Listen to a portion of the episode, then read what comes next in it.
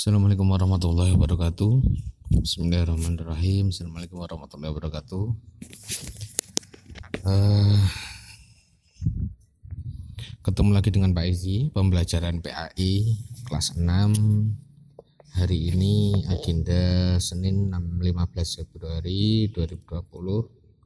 Kita mulai dengan membaca Al-Fatihah.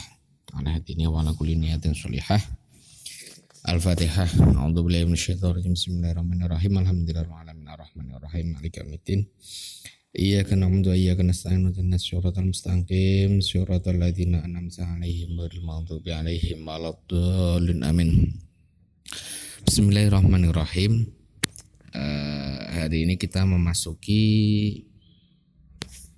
bab ke-10 bab ke-10 pada buku paket PAI yakni tentang infak dan juga sedekah. Uh, bisa dibuka bukunya infak dan sedekah. Pak Izi jelaskan besok ketika di kelas Pak Izi tinggal mengecek tugas dan juga menambahi uh, contoh yang tidak ada di buku saja. Bismillahirrahmanirrahim dibuka pada halaman 144 tentang uh, infak dan juga sedekah. Apa bedanya infak dengan sedekah?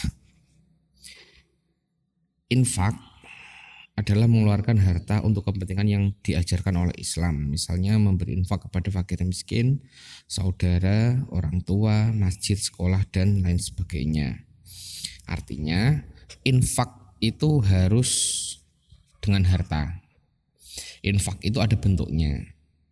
Jadi eh, seperti wakaf. Nah, in, wakaf itu bentuk lain dari infak. Jadi eh, infak itu tidak ada batasan dan bebas diberikan kepada siapa pun. Yang penting pemberian infak sesuai dengan ketentuan ajaran Islam pengertian sedangkan sodakoh sama dengan infak hanya saja sodakoh itu lebih luas dari infak. Sodak sodakoh tidak hanya menyangkut harta tapi juga selain harta. Bisa tenaga pikiran senyum tikir uh, menghindari perbuatan buruk uh, membantu orang itu termasuk sedekah. Nah artinya infak infak itu memberikan harta untuk di jalan Allah. Ibaratnya seperti itu. Nah, contoh me menginfakkan harta atau menginfakkan tanah untuk perluasan masjid. Itu infak. Terus eh, memberikan menginfakkan eh, sebagian uangnya untuk anak yatim itu namanya infak. Nah kalau sodakoh eh, itu termasuk kalau orang senyum di eh, tabasamu kafi wajahi akhika sodakotun.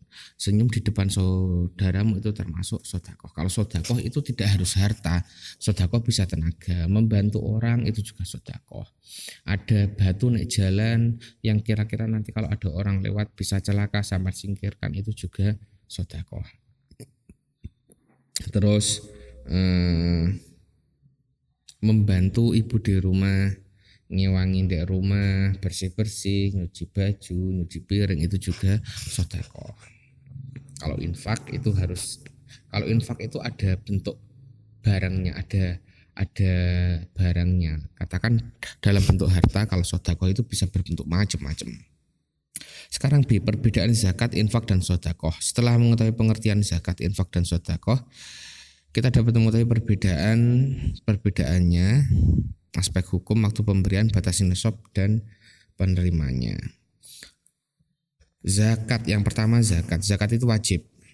Infak dan sodakoh itu adalah sunnah. Beda. Kalau zakat itu hanya dikeluarkan atau dibayarkan setelah habis bulan Ramadan atau malam takbir sebelum hari raya Idul Fitri itu zakat. Kalau zakat itu wajib semua orang wajib membayarkan zakat tidak tidak tidak ada perbedaan dia kaya atau miskin dia wajib zakat. Jadi kalau zakat itu wajib dan dikeluarkannya hanya setahun sekali. Kalau infak dan sodakoh itu sunnah artinya bisa. Kalau punya uang silahkan sodakoh nggak punya uang ya nggak apa-apa. Kalau bisa memberi infak yuk infak kalau enggak yuk nggak apa-apa. Jadi ada kesunahan Waktu pembayaran pemberian zakat dibayarkan pada waktu tertentu. Zakat mal, zakat mal itu zakat harta atau zakat kekayaan. Zakat mal dibayarkan setelah mencapai haul atau satu tahun haul itu batas waktu. Kalau zakat itu ada batas waktunya, ada holnya, holnya setahun setelah hari raya. Kalau sodakoh sama infak itu enggak ada holnya, jadi bisa sewaktu-waktu. Zakat fitrah dikeluarkan dikeluarkan pada bulan Ramadan sebelum sholat Idul Fitri. Infak dan sodakoh tidak ada ketentuan, tidak ada waktu, tidak ada ketentuan waktu. Kalau infak dan sodakoh itu tidak ada ketentuan waktunya. Nisab sekarang ukuran batasnya. Kalau zakat itu nisabnya menggunakan beras menggunakan makanan pokok yang dikonsumsi oleh uh, orang-orang di suatu negara. Kalau di Indonesia makanan pokok kan kita makannya pakai nasi, pakai beras. Berarti ya kita zakatnya pakai beras. Zakatnya seberapa? Zakatnya 3 eh 3 2,7 2,75 atau 2,7. Kalau dipaskan itu 3 kilo beras. Pak seandainya saya zakatnya tak tambah gimana?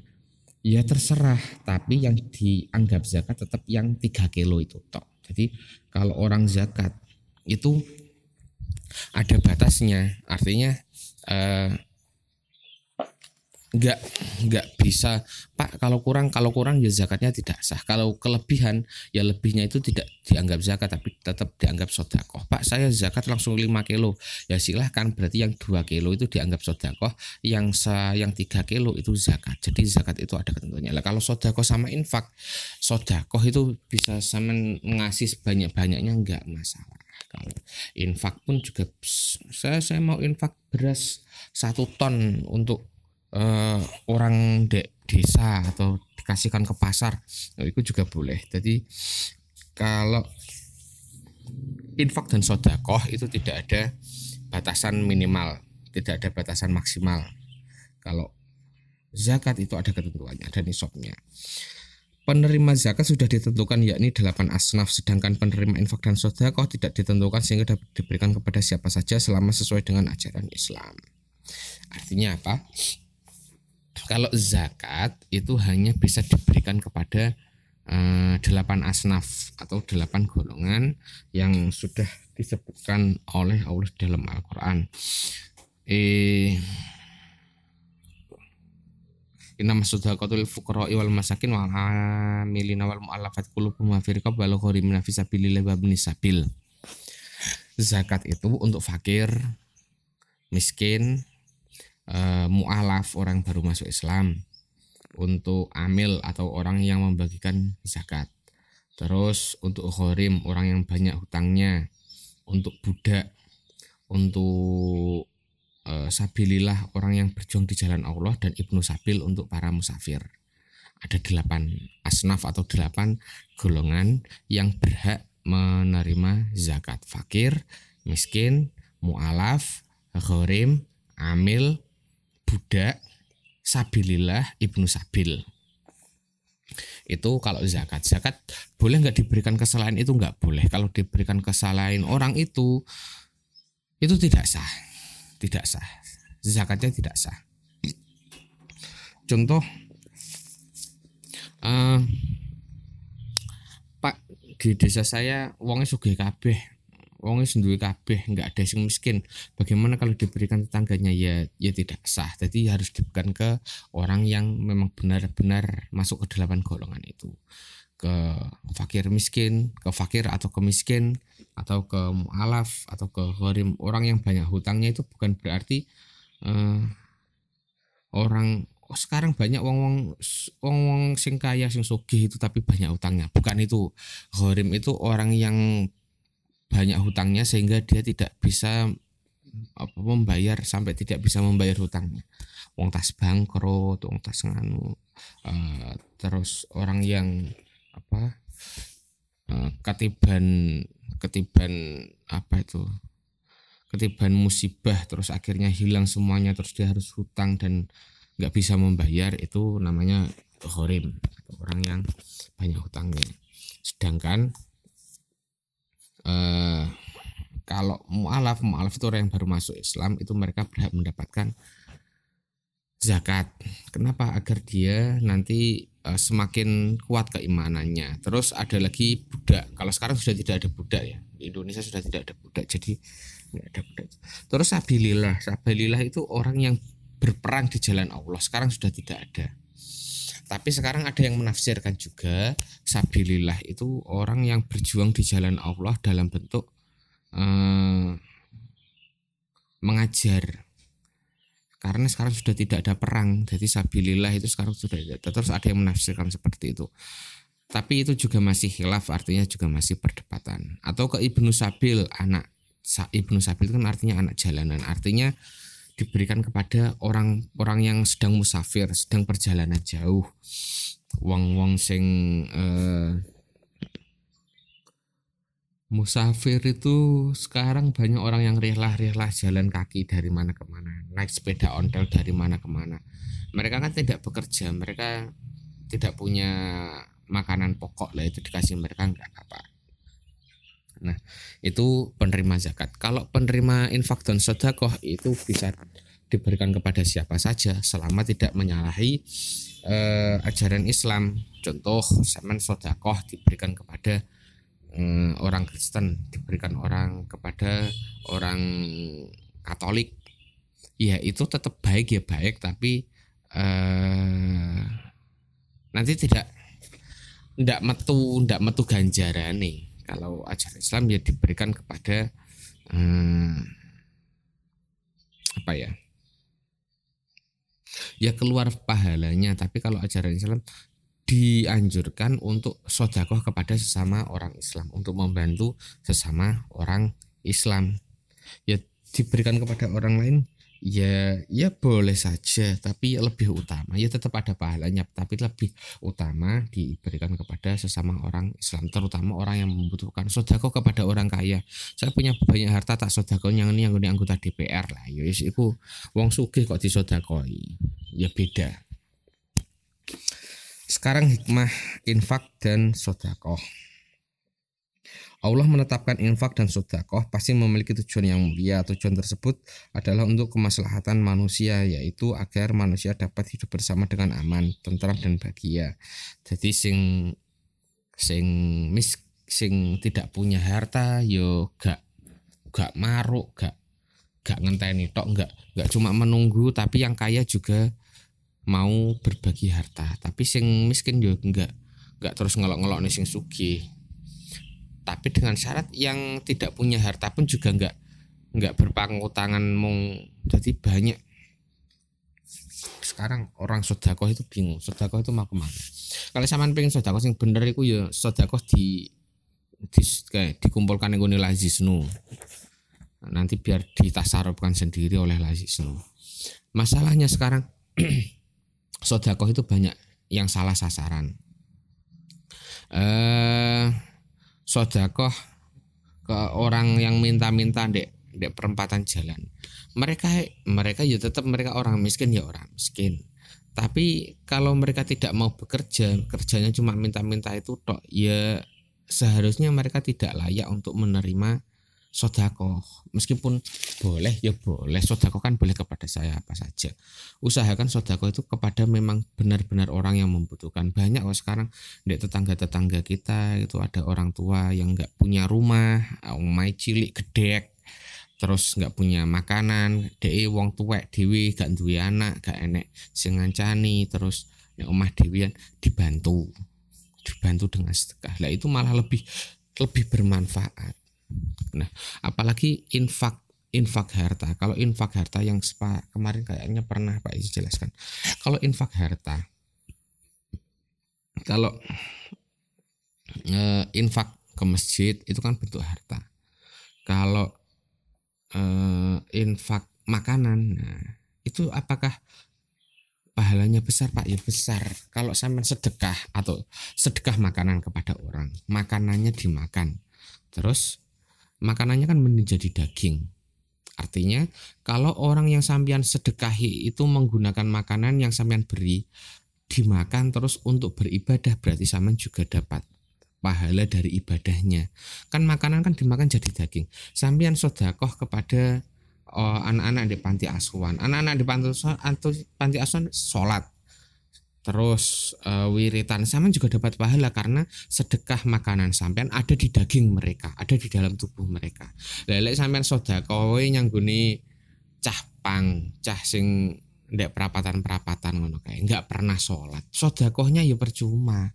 Sama sodakoh ke mereka cuma dapat perbuatan baik kok tapi nggak dapat eh, nggak uh, dapat berkah dari amal perbuatan mereka. Jadi sodakoh itu diusahakan kepada memang orang-orang yang eh, orang-orang yang menggunakan sodakohnya untuk beramal kepada Allah untuk beribadah sodakohnya digunakan untuk ibadah untuk ber, untuk beramal, untuk berzikir. Jadi ketika makanan dimakan oleh mereka selama makanannya itu ada di dalam tubuh kan akhirnya jadi daging. Daging itu kan nempel di dalam tubuh sampai mati.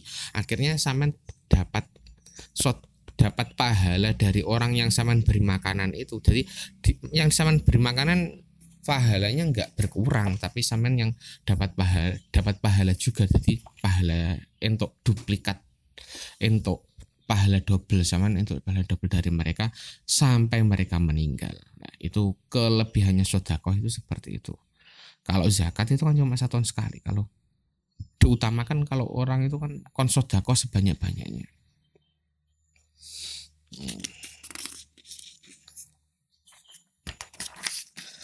Inti dari infak dan sodakoh kembali ke buku halaman 145 yang C, inti dari infak dan sedekah adalah saling berbagi antara yang kaya dan yang miskin, antara yang berlebih, antara yang kelebihan dan yang kekurangan, antara yang mampu dan yang kurang mampu. Hal ini merupakan pengamalan dari ajaran tolong menolong dalam kebaikan dan takwa. Wala ta'awanu alal birri wa taqwa wala ta'awanu alal ismi wal udwan. Ta'awanu alal birri wa taqwa tolong menolonglah dalam kebaikan dan takwa. Wala ta'awanu alal ismi wa udwan jangan tolong menolong dalam dosa dan juga kejahatan. Siapa yang melaksanakannya pasti akan mendapatkan kebahagiaan. Siapa yang meninggalkannya dia akan mendapatkan kerugian dan penderitaan. Nah, sekarang hikmah dari infak dan sodakoh. Infak dan sodakoh hikmahnya yang pertama jelas. Infak dan sodakoh itu untuk menolong kaum duafa. Kaum duafa itu apa? Kaum duafa itu kalau kaum doif atau kaum kaum yang lemah, lemah lemah ekonomi, lemah harta benda, lemah tenaga, artinya dia tidak punya ke tidak punya hmm, tidak punya kekak tidak punya harta yang cukup untuk memenuhi kehidupannya itu namanya kaum duafa.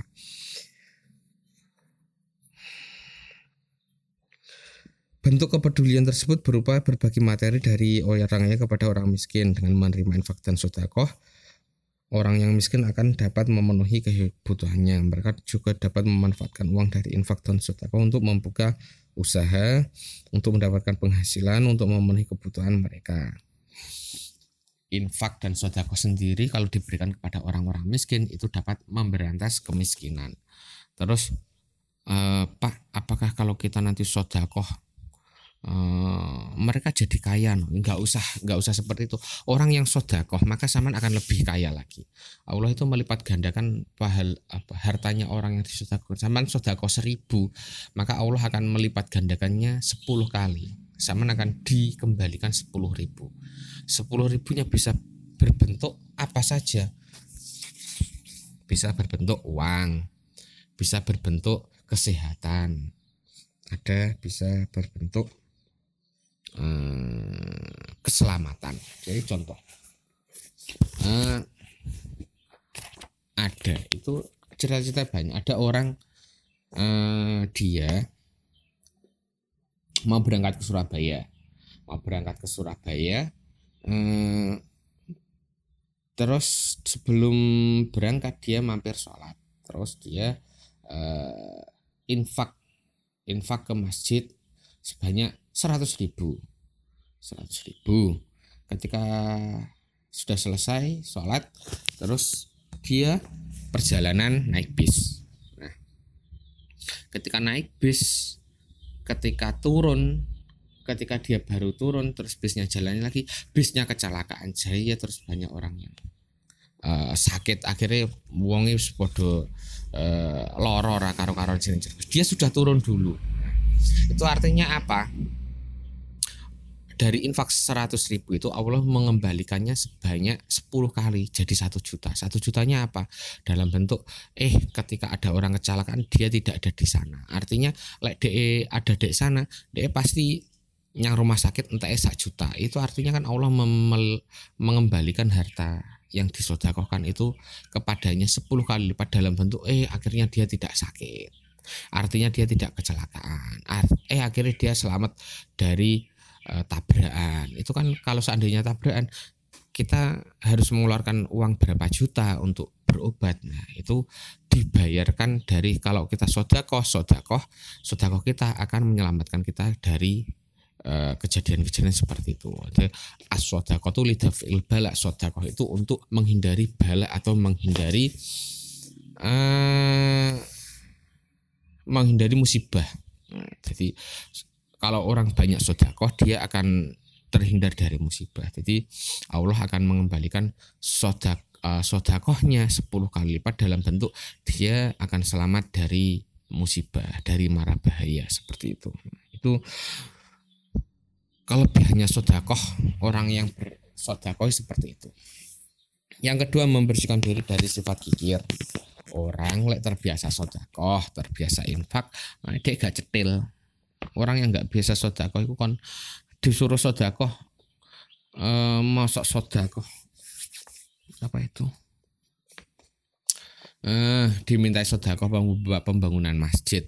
Sodakohnya 2000 sodakohnya uang 2000 tok.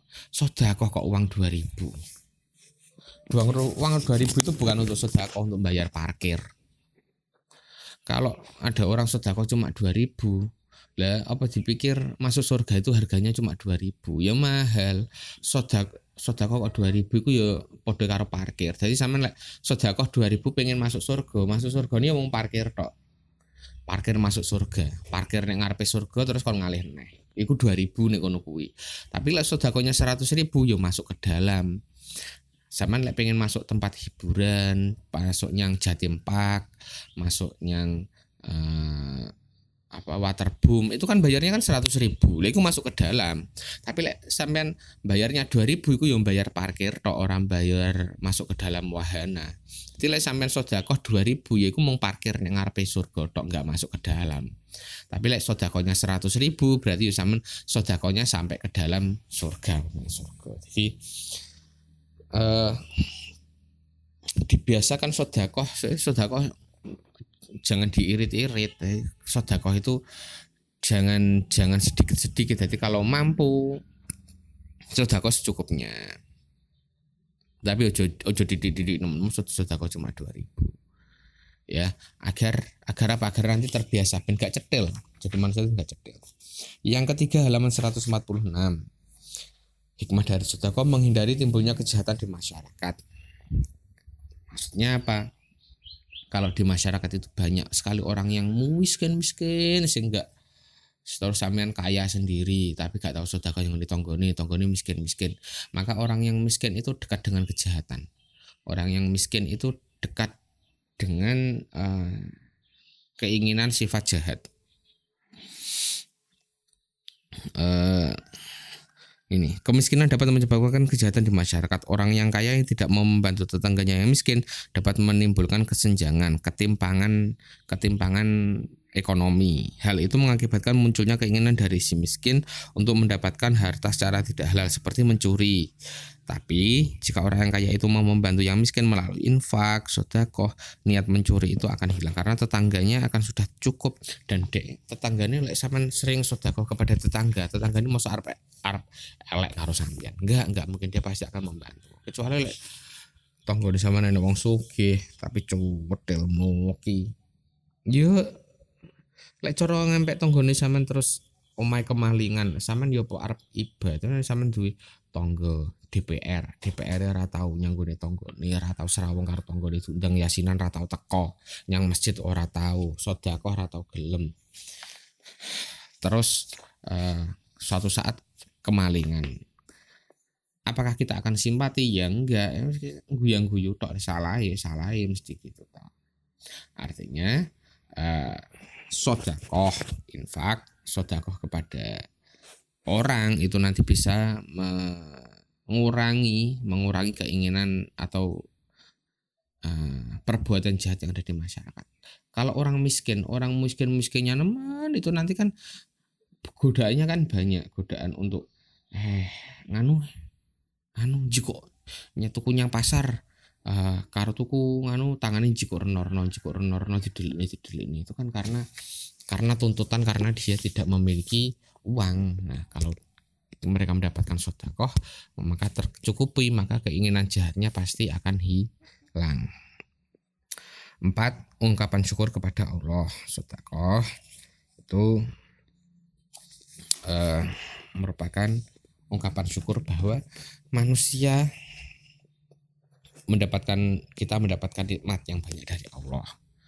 Sebanyak apa pun jadi banyak orang yang gini uh, merasa kaya punya banyak harta di dunia.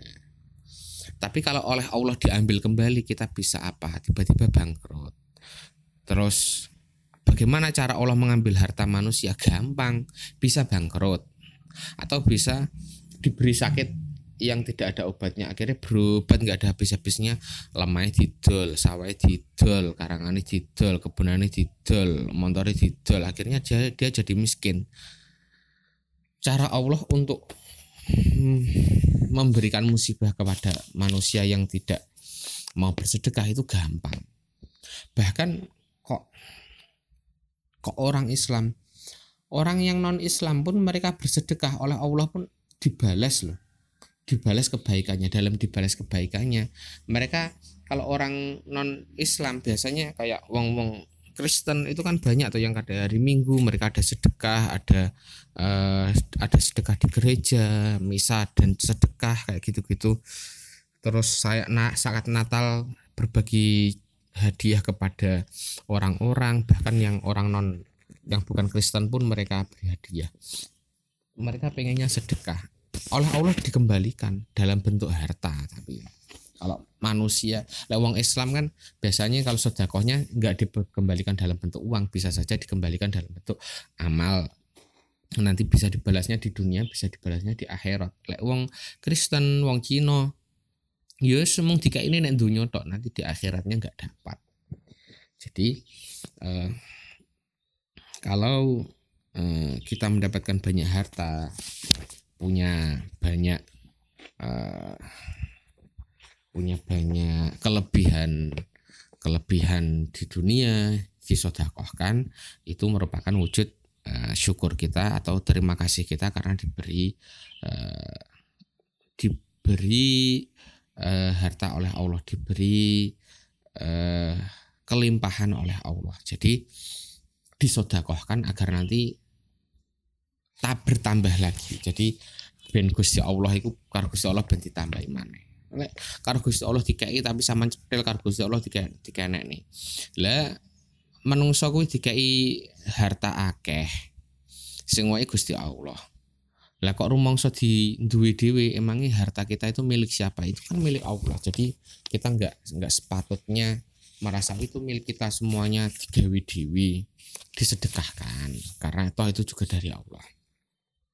Yang kelima membangun hubungan kasih sayang antar sesama. Orang yang suka sedekah itu eh, meningkatkan atau me mendekatkan kasih sayang antar sesama manusia antara sing kaya dengan yang miskin antara yang punya dengan tidak punya artinya hmm, sodakoh pun nggak nggak bisa semena-mena kita berikan kepada siapa saja. Banyak cerita tentang sodakoh itu banyak sekali. Ada orang yang sakit sakit nggak sembuh sembuh uh, sakitnya reno sakitnya kom komplikasi. Asalnya sakit pusing terus ganti vertigo terus vertigo terus sakit encok terus pilek sakitnya gonta ganti gonta ganti. Nggak sembuh sembuh diobati nggak sembuh sembuh duitnya tinggi berobat nggak sembuh sembuh wes timbang sembuh sembuh akhirnya wes duitnya timbang tak kayak dokter aku ramari mari duitnya tak sudah kone tak infak nih yang masjid tak sudah kone yang guni wong yatim. Aku ben didungani wong yatim didungani bocah-bocah yatim ben mari. Tak sudah kone yang guni wong wong miskin nih tak sudah kone yang guni uh, ibu-ibu wong tuwek-tuwek tuwek sing wis ditinggal bojone sing nek omah dhewean ngono kae disodakone kabeh. Terus didoakan orang, terus malah sembuh. Banyak cerita seperti itu. Artinya apa? Eh, manfaat dari sodakoh itu bukan hanya tentang oh kita malah disanjung dilem karo orang banyak itu bukan atau kita malah merasa oh kita kita punya lebih dari orang itu bukan bukan bukan cuma seperti itu. Artinya uh, sodakoh itu manfaatnya banyak. Bahkan orang-orang orang-orang orang-orang Cina wong Cina itu banyak orang-orang Cina itu banyak sodakohnya. Kalau zaman ke ke kota Kediri itu biasanya ada orang-orang Cina itu sing kadang kalau hari hari Senin Senin pagi itu bawa makanan. Nasi bungkus itu dibawa sak keranjang gede terus de naik mobil ke perampatan dikasih ini tukang-tukang becak. Tukang becak itu kan orang miskin yang tetap mau bekerja. Jadi kalau kita sodakoh ke orang-orang miskin yang mau bekerja maka sodakoh kita akan menjadi daging yang digunakan untuk berbuat baik. Maka kebaikannya akan kembali berlipat pada zaman sodakoh yang guni wong wong ngemis ngemis oh ngemis itu kan nggak mau bekerja deh. Kan pengennya penak tok. Ngatong ngatong ngatong itu duit ngatong itu duit. Nggak mau kerja tapi pengennya dapat uang. Itu orang pengemis pengemis seorang sing ngamen ngamen itu kalau dia bias, bisa ngam bisa masih punya tenaga nyapa tuh kok kam, kok ngamen. Nguli jadi kuli bangunan itu loh malah malah lebih berkah. Dapatnya malah lebih barokah lagi timbangan ngamen. Ngamen itu ngamen itu kan bukan kerja ngamen itu kan namanya uh, berpangku tangan jaluk jaluk jaluk tok. Kecuali kalau kita kerja orang kalau mau kerja maka dia akan dibayar. Kita memberi bantuan tenaga orang lain yang kita bantu akan memberikan upah. Nah itu kerja. Lele wong ngamen itu kan nggak ada nggak ada effortnya nggak ada usahanya. Ada emang ngamen ngatong ngatong ngatong jaluk duit apalagi yang di lampu merah itu wong orang yang minta-minta di lampu merah terus bawa koin duit cepean itu terus di tok tok tok tok nih kaca tok tok tok tok tok tok tok sambil minta tok tok tok tok minta itu kan minta kok maksa minta itu ya tergantung yang memberi minta kok maksa itu namanya bukan minta itu namanya memeras itu jenengi begal begal duit ya kita tetap memberi tapi kan nggak ikhlas. Kecuali kalau kita memberinya ikhlas maka yang diberikan juga akan barokah. Kalau kita sodakoh ke orang terus orangnya uh, orang miskin kita kasih sodakoh. Kita kan memberikannya ikhlas. Yang menerima juga ikhlas. Digunakan untuk hal yang baik. Untuk makan untuk beribadah. Untuk makan untuk berbuat baik. Digunakan untuk makan untuk sekolah. Itu kan kecuali kita memberikan uangnya gede bocah-bocah pang sing bocah-bocah pang ngamen perapatan kita sodakoh kita memberi uang kepada mereka uangnya tinggi ngerokok tinggi ngombe tinggi minum minuman keras tinggi eh tinggi, tapi dia ora sholat orang anu ya uang kita yang kita berikan kepada mereka muspro atau sia-sia. Maka sodakoh pun juga harus pilih-pilih sodakoh infak itu harus ke tempat yang benar jangan sampai salah tempat. Kalau kita sodakoh ke orang yang salah maka uang kita atau sedekah kita pun juga akan sia-sia. Nah, itu. Terus ada lagi eh, cerita eh, cerita orang yang yang miskin dia miskin tapi masih mau sodako. Apakah orang yang miskin sodako dia akan jadi kaya? Enggak juga. Artinya nikmat dari Allah itu orang sodako itu bukan hanya dikembalikan jadi harta tok ada orang yang suka sodako tapi ya kehidupannya uh, rumahnya tetap ngono-ngono dia nggak tambah sugih terus enak wong sing sodako titik terus roro tambah akeh. Itu artinya sodakonya dikembalikan di dunia atau dikembalikan di akhirat. Nah, tergantung sampean pilihnya di mana. Sampean pingin sodako sampean dibalikin di dunia apa dibalikin di akhirat? Kalau pingin dibalikin di dunia berarti sok di akhirat orang keduman. Nah, kalau pingin dikembalikan uh, di akhirat ya mungkin di dunianya biasa-biasa saja tapi nanti di akhirnya dikembalikan lebih banyak gitu. Nah. Uh, mahfudat maka soro isanuhu kasudo ikhwanu. Barang siapa yang banyak perbuatan baiknya maka maka akan banyak saudaranya. Uang lek senang sodakoh senang berbuat baik kepada orang banyak maka uh, dia akan banyak saudaranya. Dia akan banyak orang yang mau membantunya. Dia akan banyak hmm, apa dia akan banyak banyak orang yang mengasihani contohnya uang rata kalau orang nggak tahu sodako orang lain itu tidak akan welas tidak akan mengasihani tidak akan um, menyayangi. Wong lek akeh sering sodako seneng sodako kepada orang yang diberi sing gelem nompo sodako sampai terus dia merasa berhutang budi. Dia menjadi baik. Kita akan banyak akeh boloni. Kita akan banyak saudara. Kita akan banyak teman. Wong ora tau sedekah lek cethele ra medhit iku karo tanggane disumpahi. Wah, muga-muga ndang bangkrut ngono kuwi. Artinya doa dari tetangga itu lek orang wong cetil didongani karo tangga ngono kuwi nyamari nyamar banget jadi eh, sodakoh terus eh, sedekah infak itu harus digencarkan. Terus apakah sedekah dan infak sendiri harus dihitung? Jadi sedekah kalau infak itu nggak boleh hitung hitungan nggak boleh dihitung. Aku sedekah sedekah berapa banyak yo. Itu namanya kita hitung-hitungan. Kalau kita hitung-hitungan kepada sedekah Allah pun yo akan hitung-hitungan kepada kita. Lelek awakmu sudah ngomong rong ewu tak balik nih mong rong puluh ewu yo rasa muring-muring kalau kita tidak hitung-hitungan maka Allah juga akan mengembalikannya tanpa hitung-hitungan. Lah ada lagi sodakoh titik wis hitung-hitungan. Kita minta sodakoh di foto. Sodakoh uh, di ketok-ketok nih di foto di upload di Facebook di posting. Saya sudah sedekah gini sudah segini. Artinya sedekah kita itu enggak ikhlas. Nah, itu malah yang akan menyebabkan bahwa sodakoh kita nanti tidak akan tidak membarokai. Nah itu penting.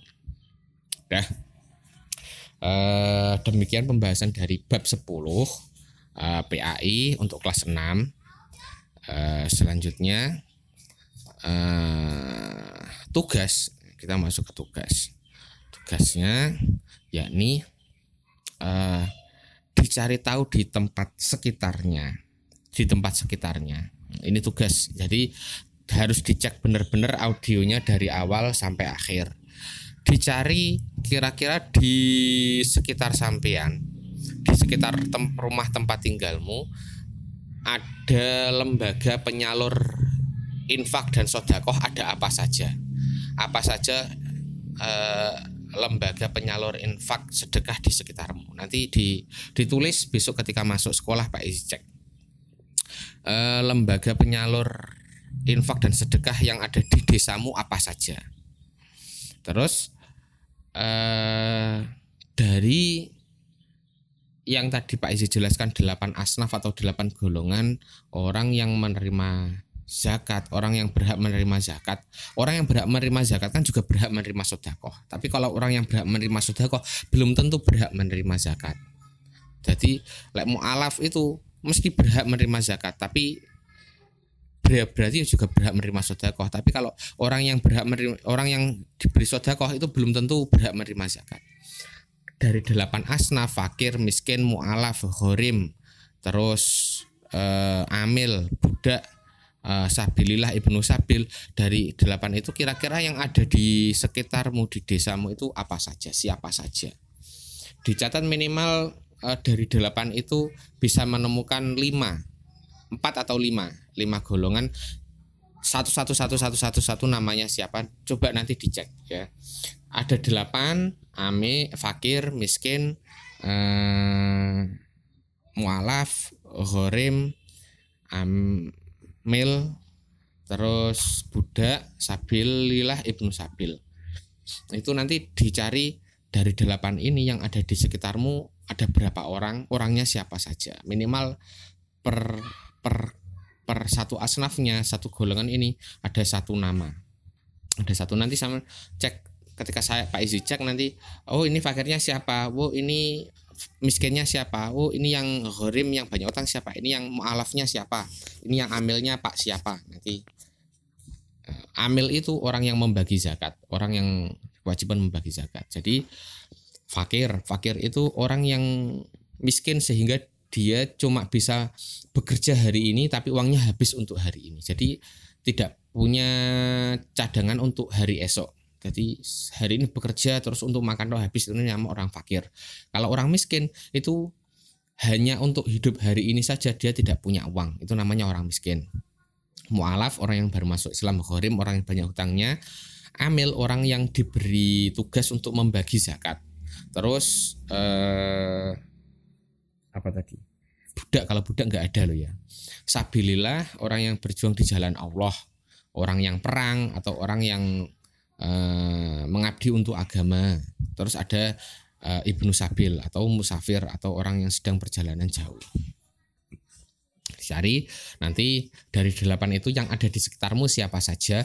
Terus lembaga penyalur zakat di dan sodakoh di sekitarmu ada lembaga apa saja dicari.